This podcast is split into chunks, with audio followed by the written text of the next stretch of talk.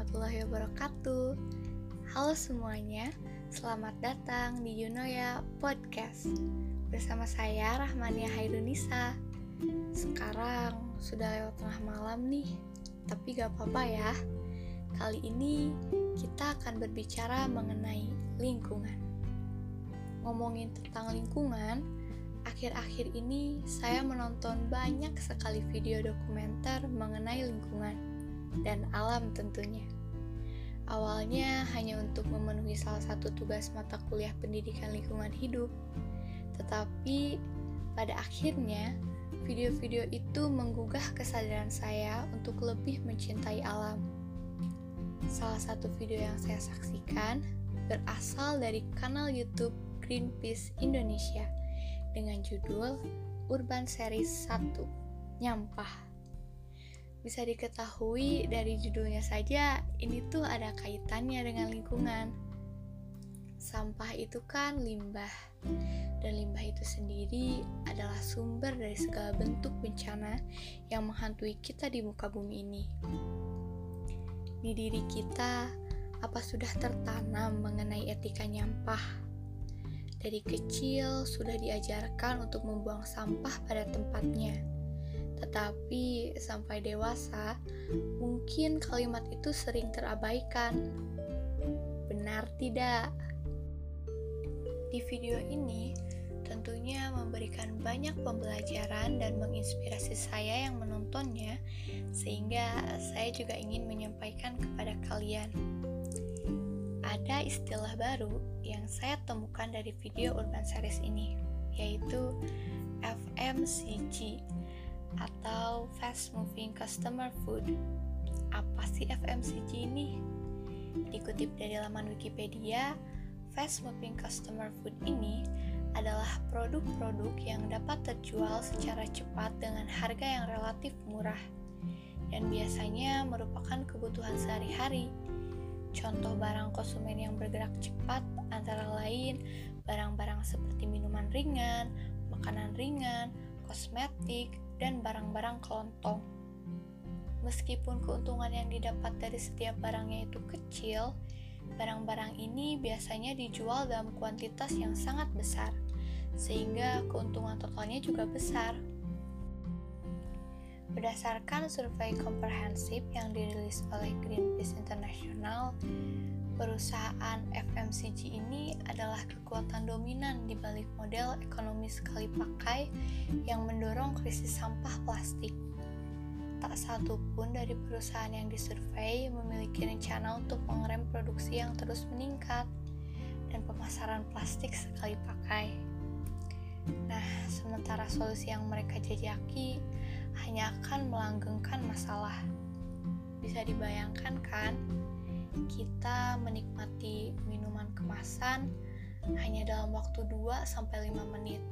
Tetapi sampahnya itu dapat terurai dalam waktu 100 tahun.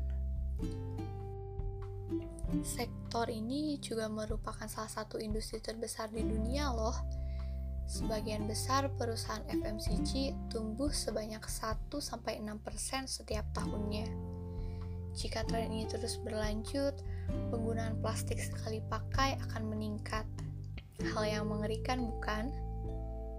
Ya, karena dari video yang saya saksikan, tempat pembuangan akhir Bantar Gebang akan kedatangan limbah atau sampah dengan volume sebesar Candi Borobudur setiap dua hari sekali. Nah, berkenaan dengan sampah, saya juga telah menyaksikan sebuah film animasi berjudul Wall-E. Setelah menyelipkan kritik pencemaran lingkungan dalam film Finding Nemo, Pixar kali ini mengajak kita membahas topik dengan skala yang lebih besar. Tahu tidak kalau film Wall-E ini menyabet penghargaan Piala Oscar pada tahun 2009 dalam kategori film animasi terbaik. Oke, sedikit ya saya ceritakan garis besar dari film ini. Film ini tuh mengajak kita ke masa depan guna melihat bumi yang tak lagi layak dihuni. Film ini berlatar 700 tahun sejak manusia meninggalkan bumi. bagian pertama film Wall-E menunjukkan kritik lingkungan tentang betapa kotornya bumi yang disebabkan oleh manusia. Bumi berubah menjadi lautan sampah. Bahkan sampah-sampah itu menggunung lebih tinggi daripada gedung-gedung pencakar langit. Nah, sementara pada bagian lain dari film Wall-E menunjukkan kritikan kepada manusia itu sendiri Latarnya menunjukkan pada kapal Exiam, tempat tinggal manusia setelah meninggalkan bumi. Kapal ini juga yang mengirim Eva untuk mencari kehidupan di bumi. Di kapal ini, terdapat ribuan manusia yang kehidupannya sudah 100% dikendalikan oleh teknologi.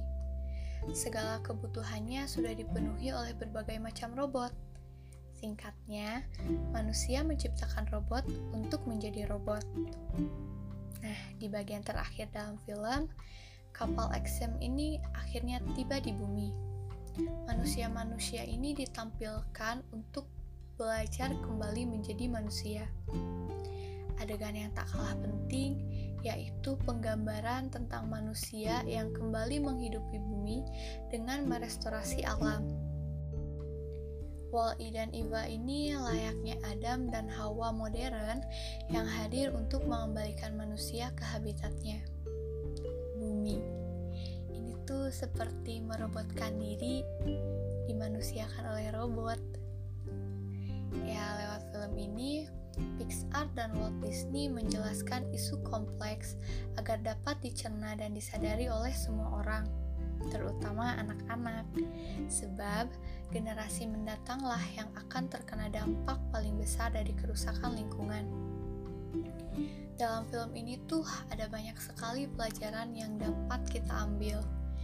Ya, mungkin sebagian orang berpikir bahwa pelajaran berharganya itu hanya bagaimana menjaga lingkungan dan menjaga kebersihan.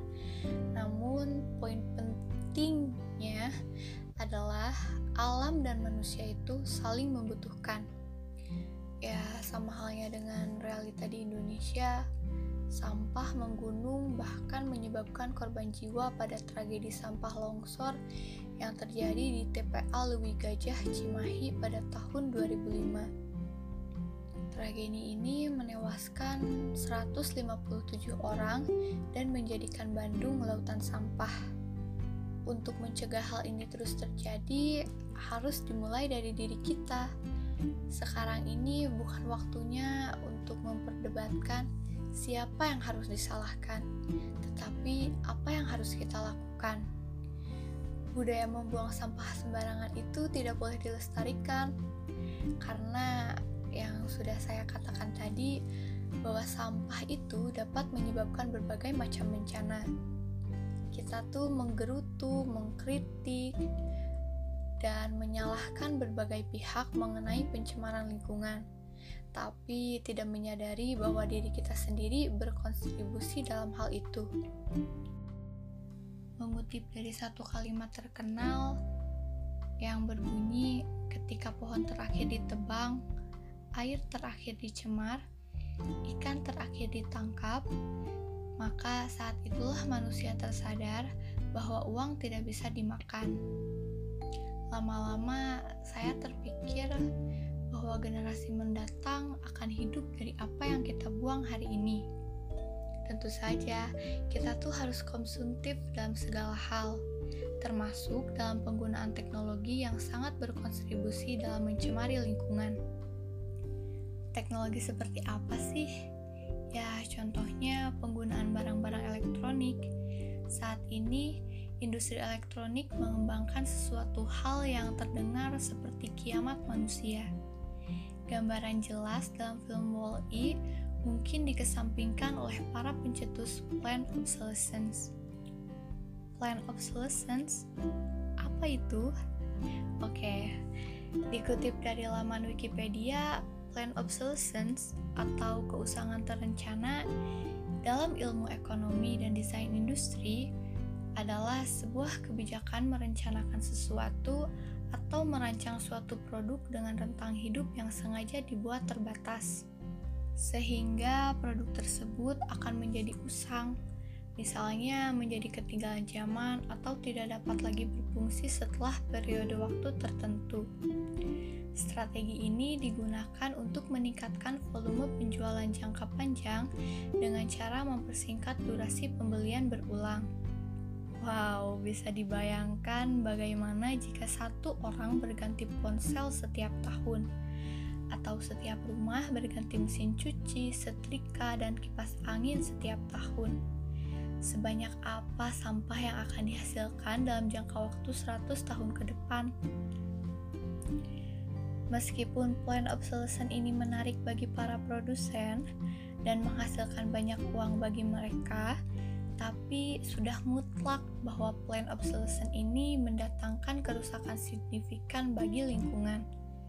Mengganti produk secara terus-menerus, alih-alih memperbaikinya, akan menciptakan limbah dan polusi. Mereka juga dengan sadar menggunakan sumber daya alam secara brutal. Dari semua yang sudah saya bicarakan, saya ingin memberikan pesan bahwa meskipun alam memiliki kekuatan yang sangat dahsyat, manusia dengan ketamakannya bisa menjadi lebih kuat. Sampah-sampah mendominasi seluruh permukaan bumi, sehingga kekuatan alam tidak mampu untuk meregenerasi mereka semua. Yuk, mulailah untuk menjaga alam. Dengan begitu, kita akan mengurangi pencemaran lingkungan. Kita juga menyediakan air dan udara yang bersih. Juga mendapatkan sumber daya alam pangan yang bermutu. Hal ini tentu saja dapat mengurangi bencana bagi kita. Jangan takut dibilang sok peduli lingkungan, karena peduli itu bukan hanya basa-basi, tapi juga tindakan. Bisa dilakukan dari hal-hal kecil loh. Contohnya, tidak membuang sampah sembarangan. Dan kita juga bisa mengurangi penggunaan plastik sehingga meminimalisir sampah plastik. Yuk tanamkan go green pada diri kita. Semangat! Terima kasih sudah mendengarkan podcast ini. Semoga hari-hari kalian menyenangkan. Bye. Tata.